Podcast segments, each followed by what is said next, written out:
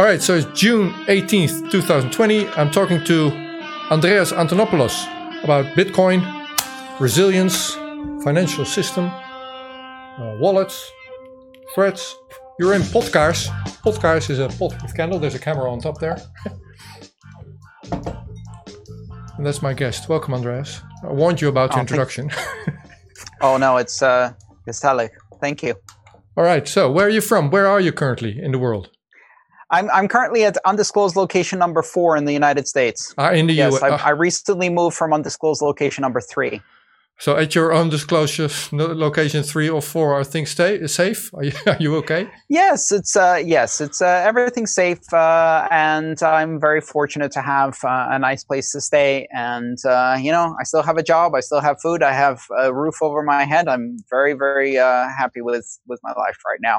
Okay. Uh, I, I, I wish other people could say the same. It's it's a, very difficult. I, I know for many people out there. I've been quite lucky. Ex- yeah, exactly. And things change on a dime, right? You, you, Mhm. We had a fairly peaceful world, safe, healthy back in January, and then everything changed. So, okay, so this is my introduction. I'm the guy that that was looking for for a lifeboat ever since 2008, and that started to educate myself on, on things. Not so much as you, when you when you dug into into Bitcoin, but still. And now everything's changed. And what I, I, I I'm I'm seeing two of my sources of information on the internet saying uh, uh, different things here. So on the one Mhm. hand, I have Max Keiser calling Bitcoin an unstoppable beast. You, you can't block it, you can't ban it, uh, and it's going to devour the financial system of fiat monies.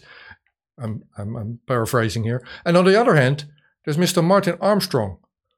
You you you're familiar? Are you familiar with Martin Armstrong? Um, I'm I'm not sure. Okay. Maybe. Okay, I'll uh, introduce him a little further then for, for the rest of the audience also. And he says, well, should Bitcoin grow? First thing what will happen is that uh, the current financial system will disallow it. It will not be Mhm. allowed. It will be killed before it makes any progress. Martin Armstrong is the guy that um, created a very sophisticated computer program called Socrates. And he's analyzing all financial flows in the world. And he was the guy that predicted the USSR to, to, to fall back in the day and made some other predictions that uh, landed him in jail. Oh, you're you're trading stocks with foreknowledge. How did that happen? So he didn't want to say. That was his computer program, and he's making these kind of forecasts, looking at things cyclic, uh, cyclically. So he says Bitcoin is not going to be allowed. Keiser says it's going to be the biggest thing of all. So I'm, in, I'm I've invited Andreas Antonopoulos, one the other guy that I've been following for a couple of years, trying to understand Bitcoin. So that's your trade. If I um, if I were to introduce you, you make a very complicated piece of software very easy to understand and and and explain Well, thank you. the impl- implications to uh, to the world of finance and the world of people feeling insecure. Would you add anything to that? No, that's uh, that's a great introduction. Thank you. Very kind of you. okay, so first off, um, Armstrong says it will not be allowed. It will be blocked by the central banks, by the powers that be. What's your what, what's your what would you how would you respond to that? Um, I, I, I think uh, both are right in, in certain ways. It's it's merely a time uh, a matter of the time frame that you're looking at and the overall perspective. Uh, you know, let's be honest. If if Bitcoin uh, succeeds in its primary goals, uh, then of course it will be banned, uh, and it will be banned um, uh, by many countries uh, because uh, Bitcoin is fundamentally a mechanism for decentralizing power over finance and removing power from centralized institutions and instead redistributing it to the participants of the system um, who gain an enormous amount of independence um, and self sovereignty from uh, being able to use a financial system that is purely digital, that is decentralized, that is the internet of money. And if it succeeds in those goals, and it already is succeeding in those goals, if it continues to succeed in those goals, of course, it is going to offend the greatest financial interests and powers uh, on this planet, and they will do everything they can to stop it. Um, the real question is, what is it that they can do to stop it in a practical sense? And, and the answer is not much. Okay, Uh, I, I, I, And, and that's that's the ultimate problem. They will try, um, and uh, one of the interesting things that happens is if they try and fail, the failure to stop it uh, proves the primary point of Bitcoin. So, in failing to stop it, they strengthen it because every time they fail, they prove further that this thing um, is uh, resilient, is robust, and can continue to operate. And even if they if they succeeded to slow down, disrupt, or or stop Bitcoin uh, or uh, the network as it exists today, all that would do is um, force developers to develop countermeasures to build um, a, a, slightly different system, a slightly improved system that fixes the mechanism by which they stopped it or slowed it down and start it again and hmm. again and again. Ultimately, what Bitcoin is a system of mathematics. It's an idea, and you can't prevent people from thinking ideas. No, that's true. However, for Bitcoin to succeed in, in being the, the lifeboat I'm looking for. so there's different lifeboats, right? Be happy, have a family, be in a safe, secure, uh, maybe undisclosed location, uh, and and store your whatever value you have in, in different different assets like cash or Bitcoin or gold or silver or whatever you.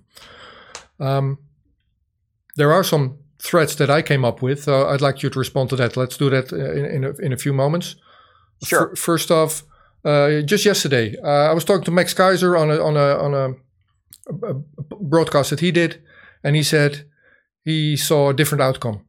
And instead of governments trying to ban Bitcoin, they would engage in a hash war to try and become Bitcoin dominant. So, and mm-hmm. he says that's a dead certainty because you can't you can't stop it. So you're in agreement there, uh, probably. But all it takes is one government to start a global hash war by adding Bitcoin to their strategic re- reserves. And he says we're already already seeing this building. So, to your knowledge, are governments involved in Bitcoin other than trying to block it?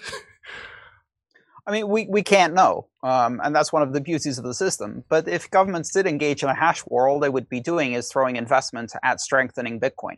Um, if uh, if any government decides that it's in their strategic interest to um, participate in mining and increase the hash power of the network, uh, and that encourages other governments to compete, um, all that does is is strengthen the underlying security of the network and make it even harder to disrupt.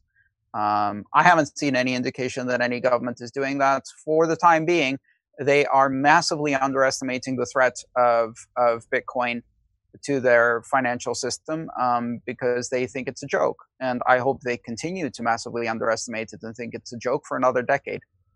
One of the things that I learned from you was your um, way of explaining that Bitcoin's power consumption uh, is actually a good thing. So if you need lots of, I'm paraphrasing here, but if you need lots of power for to, to mine your, your, your bitcoins, you could you could do that on a on a location where not too many people are, but where energy is cheap. For instance, like with mm-hmm. a, big water reservoir or whatever, and you have hydropower. Uh, um, so right now we're in a situation where the entire global e- economy has been shut down, and we're going to feel the hurt in, in the months and years to come. Maybe not yet yet today, even though millions of people are unemployed and, and are hurting, but there's going to be more pain. Now, mm-hmm. there are people that they will hurt also, but they would also go, huh, there's some positive side to this. At least we're not hurting the environment anymore. We're not burning coal and and and and, and, uh, and other products as much as we used to. We're not flying as much as we used to. Now, if one of these hash wars, if, if that hash war would commence and Bitcoin would consume way more power, your argument of it being uh, an, a friendly consumer of power would be negated, wouldn't it?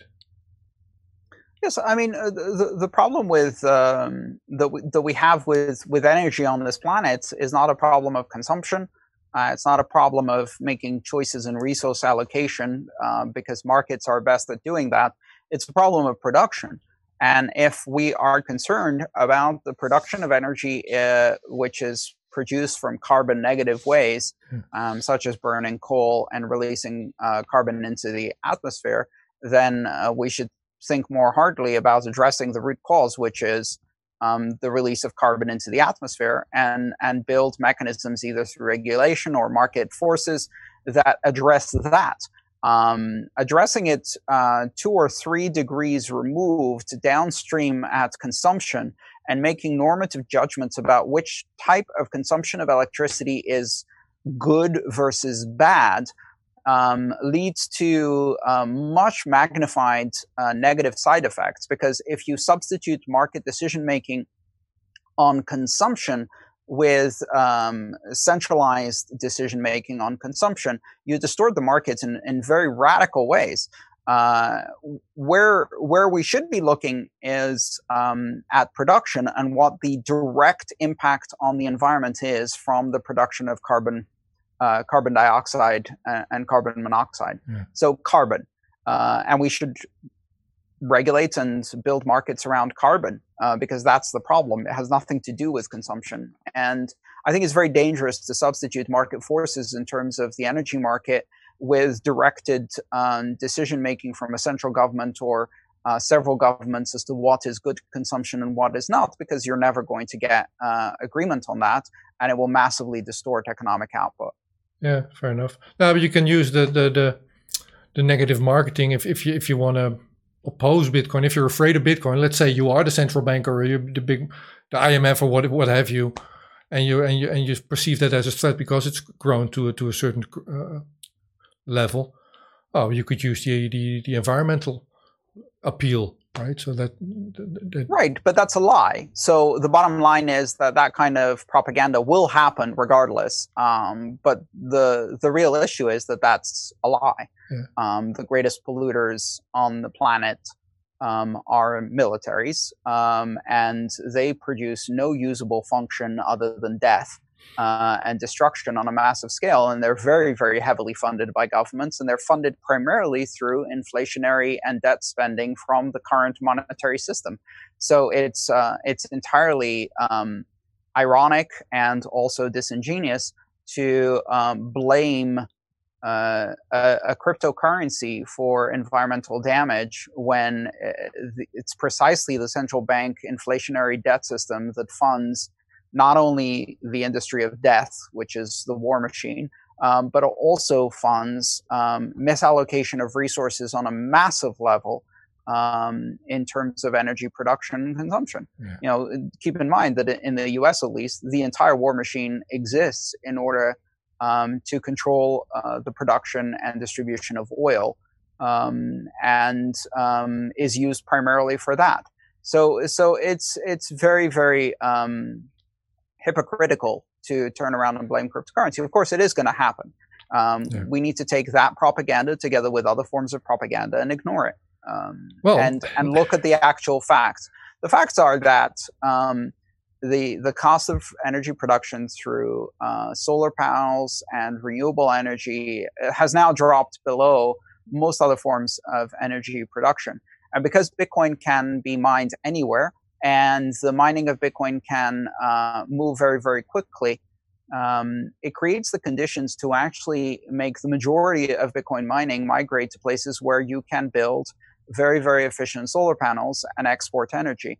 And as a result, um, what it does is it encourages the deployment of alternative energy and it subsidizes the deployment of alternative energy, which will push the cost of solar panels and other tech related technologies down much faster yeah. and um, acts as a great um, mechanism for increasing the um, environmental wellness of the planet. So it's it's it's it's really a matter of truth versus lies, and there will be lies, and we need to examine the truth instead. So you mentioned, thank you for that. So you mentioned uh, United States politics halfway through through that. Uh, let's let's move to your latest tweet at the moment of recording, uh, which is about President Trump ordering um, uh, Steve Mnuchin to focus on a clampdown on Bitcoin over negotiating a trade with China.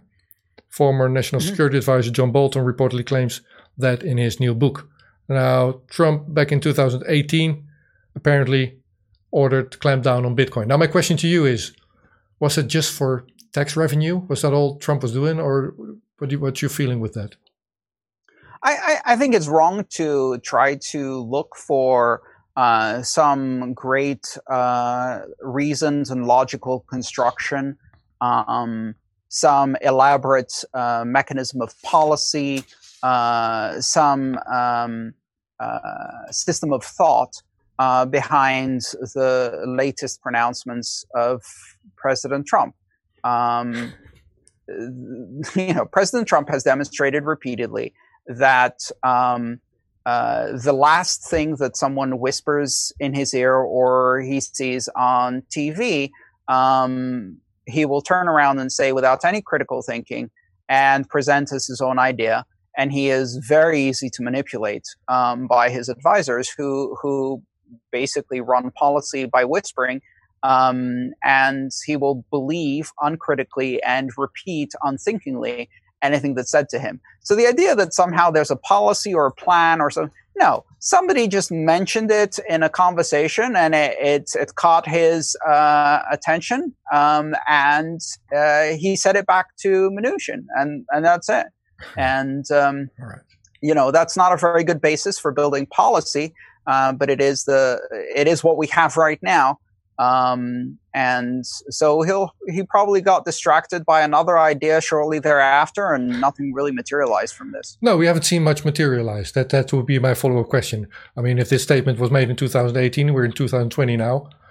I mean, all hell's breaking loose on all other fronts, but not on uh, on uh, opposing the Bitcoin front, right? Yeah, I, I mean, uh, Mnuchin has uh, bigger things to do, like, for example, uh, raid the treasury to enrich himself and his friends, um, given that he is a crook of incredible proportions. The fact that Mnuchin isn't in jail, but instead is uh, heading the treasury is, is astonishing if you read the history behind this man, who was um, very much involved in the mortgage fraud in 2008 um, and has a history of fraud um, and escaping conviction again and again. And so um, he's not going to waste time at Treasury um, chasing the latest um, phantom that emerged from from Trump's tiny mind. Uh, he's going to focus on his primary goal, which is enriching himself. Now he managed to get um, you know a couple of trillion dollars of uh, stimulus um, for the pandemic um, as a personal slush fund to distribute to his friends without any oversight and accountability. And he's been busy doing that. Thank you for that elaborate uh, explanation of Mr. Mnuchin. All right. So back to Bitcoin. Uh, I asked you a moment ago if you if, if you see or feel that uh, that country actors, state actors are moving into Bitcoin, and you said, well, you can't know. I mean, you can't know who, who is behind a, a, a public key behind a wallet ID. However, you can see if there's um, large purchases or, or smaller purchases. Now, I mentioned Max Keiser a moment ago. So he's all into Swan and uh, making um, uh, very small purchases for everybody, right? If you don't have much money, at least spend a little bit and, and move that into a, a Bitcoin for your own small lifeboat. But do you see a trend changing over the last couple of years of, of big purchases, Bitcoin wise, as compared to very small ones? Well, you, you can't see purchases uh, either because. But you can see the, the amount moving into wallets. Um, not not really, oh. um, because the vast majority of uh, trading happens on custodial exchanges where um, the transactions are recorded in the order book on their own databases. Okay. It's only when people decide to withdraw, and, and people may have have billions of dollars on exchanges that they trade back and forth and they never withdraw and they never do a transaction on the blockchain uh, that would actually reveal their trading activity. So it's actually not possible to see what's happening other than what's reflected in the price. Okay. and you. really not an area of interest or expertise for me. So I, I kind okay, of stay enough. out of the whole investment trading and price discussion. Yeah. Um, no, we're not talking. I, I, I think yeah. it's I think it's ironic, however, that um, discussion of whales uh, and manipulation of markets is rampant when the price is stable or going down. Uh, and then when um, the price peaks, everybody is um, kind of celebrating the success of Bitcoin and the proof of its principles, and nobody thinks that's market manipulation. So um, it's a it's a very asymmetric yeah. type of okay. analysis that I think is um, is really without any substance. Okay. So at the start of this conversation, I said I was going to come back to uh, some of the threats to my little lifeboat that I'm seeing out there. Mm-hmm. So let let me run them by you at the close right. of, at the close of this conversation. So. um, most consumers like me, I'm just I'm just an average consumer guy with a with a job and, and a Windows computer recording this little podcast. So, I mean, if Bitcoin becomes perceived as a threat, I can my imagination can come up with the uh, the idea that a Windows update will not allow my wallet software to run on the Windows computer.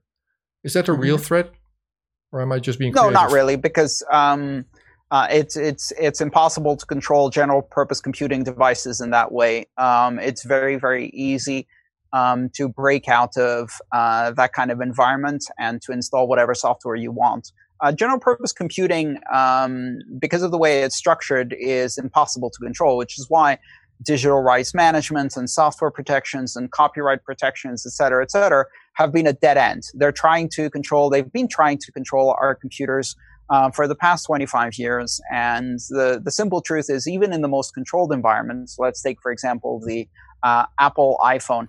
Um, every year, there's a new announcement about a new uh, mechanism to jailbreak these phones um, and and release them from being controlled devices. So no, uh, no one can stop you from running the software you choose to run on devices that you own and control. They can make it difficult, but not uh, stop you. So yeah, yeah but the, the, vast majority, vast majority of the of the general population will not be in the business of jailbreaking their their their, their telephone and removing software from the app store will will hinder those people.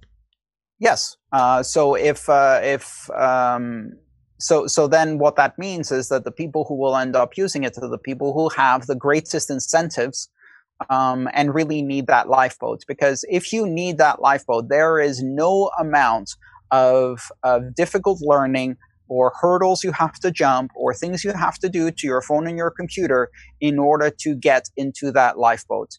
Uh, and you see that in countries where um, it is very difficult to get access to, to Bitcoin, but they have very, very high uh, traffic because uh, it is a matter of necessity.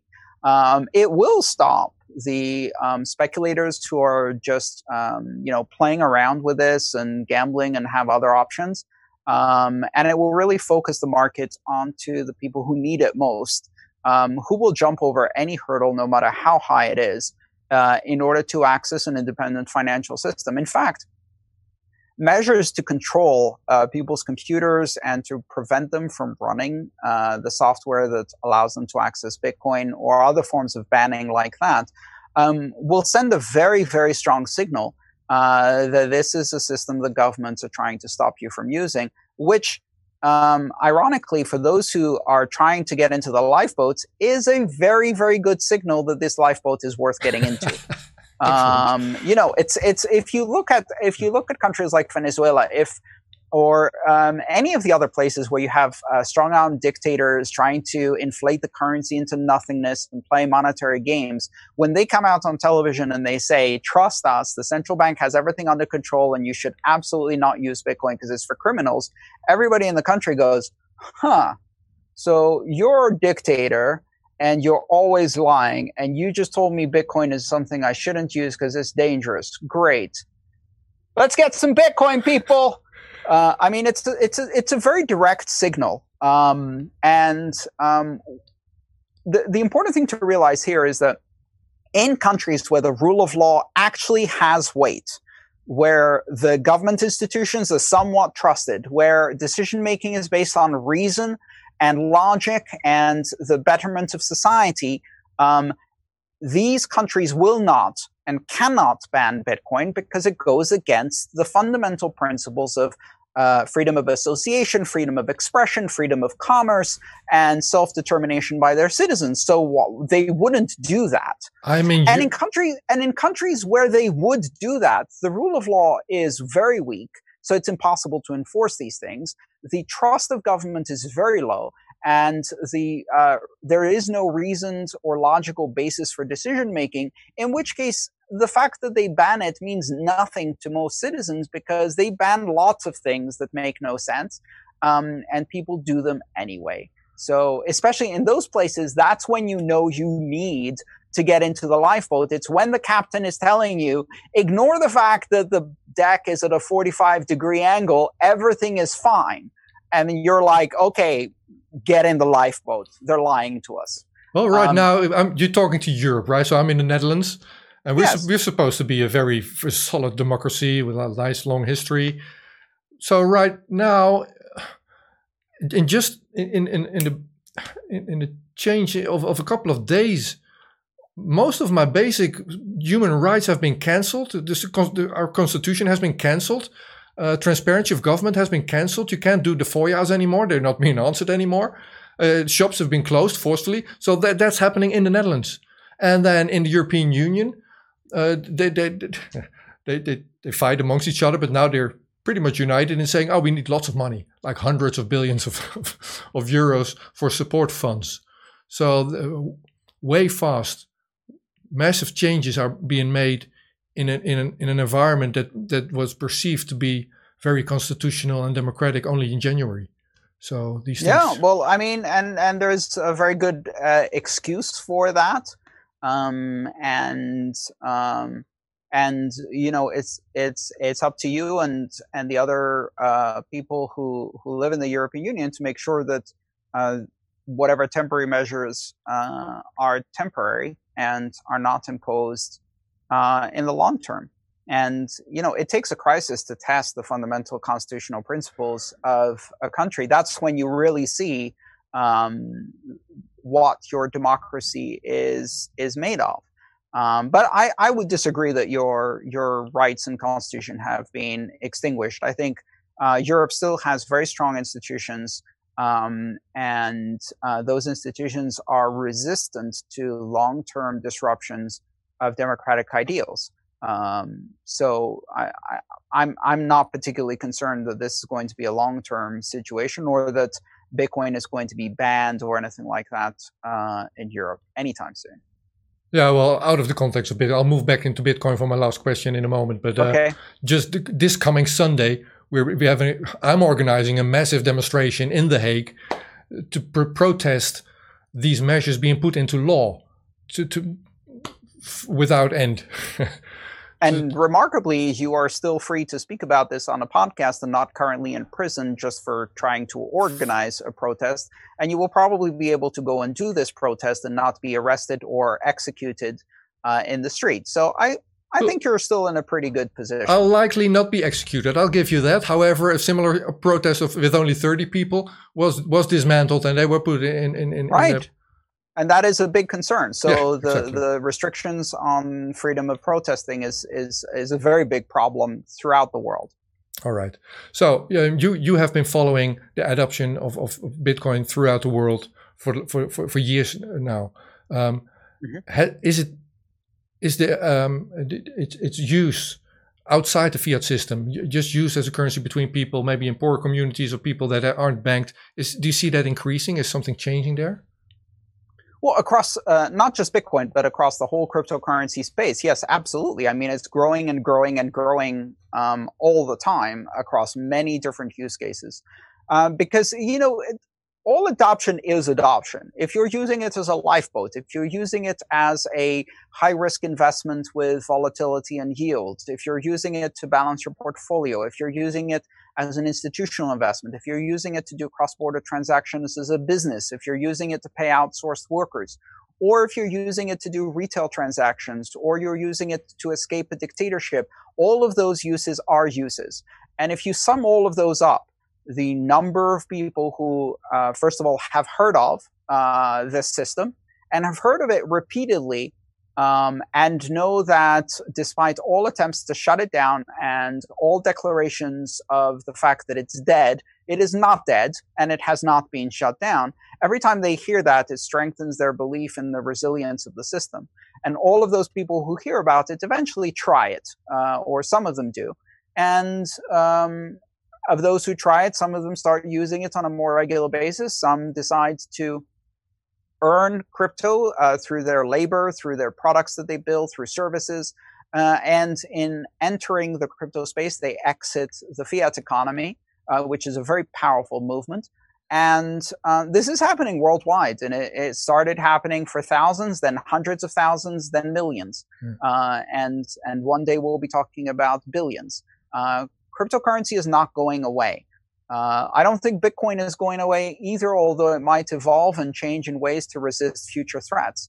And the bottom line is that um, once this was unleashed on the world, um, it's it's simply a matter of time. Uh, where it is needed, it will be used, and as long as we make it possible for people uh, to take that choice, um, then it's a system that gives people freedom.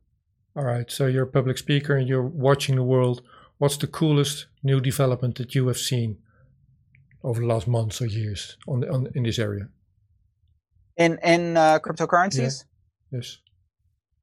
Um, I I'm as you know, probably, I think the, the two most interesting things for me were the the development of smart contracts platforms, which unleashed uh, a whole new category of systems around decentralized finance uh, and programmable smart contracts uh, with the launch of Ethereum. I find that very interesting. I've written a book about it.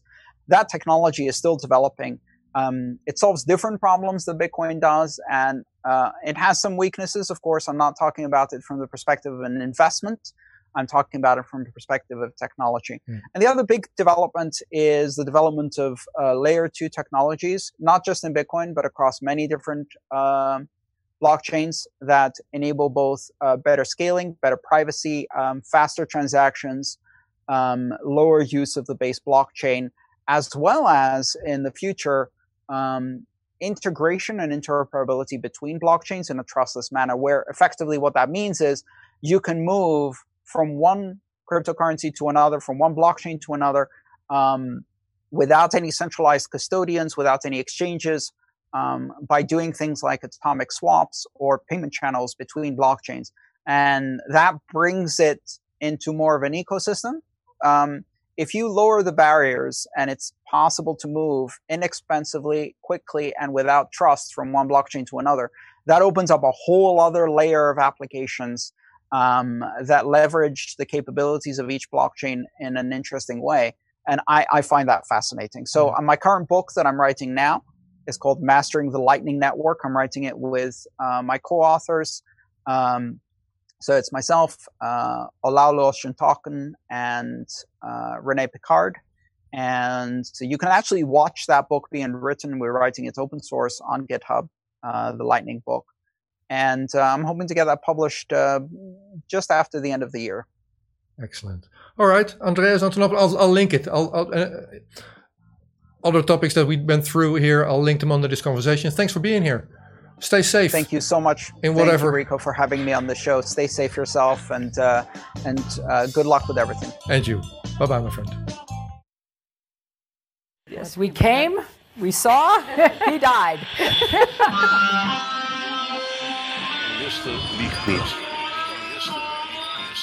every nation in every region now has a decision to make. Decision to make. Decision to make. You think I'm joking? Predator drones. you will never see it coming. Laat staan dat ik eh, kan ingaan over vuur.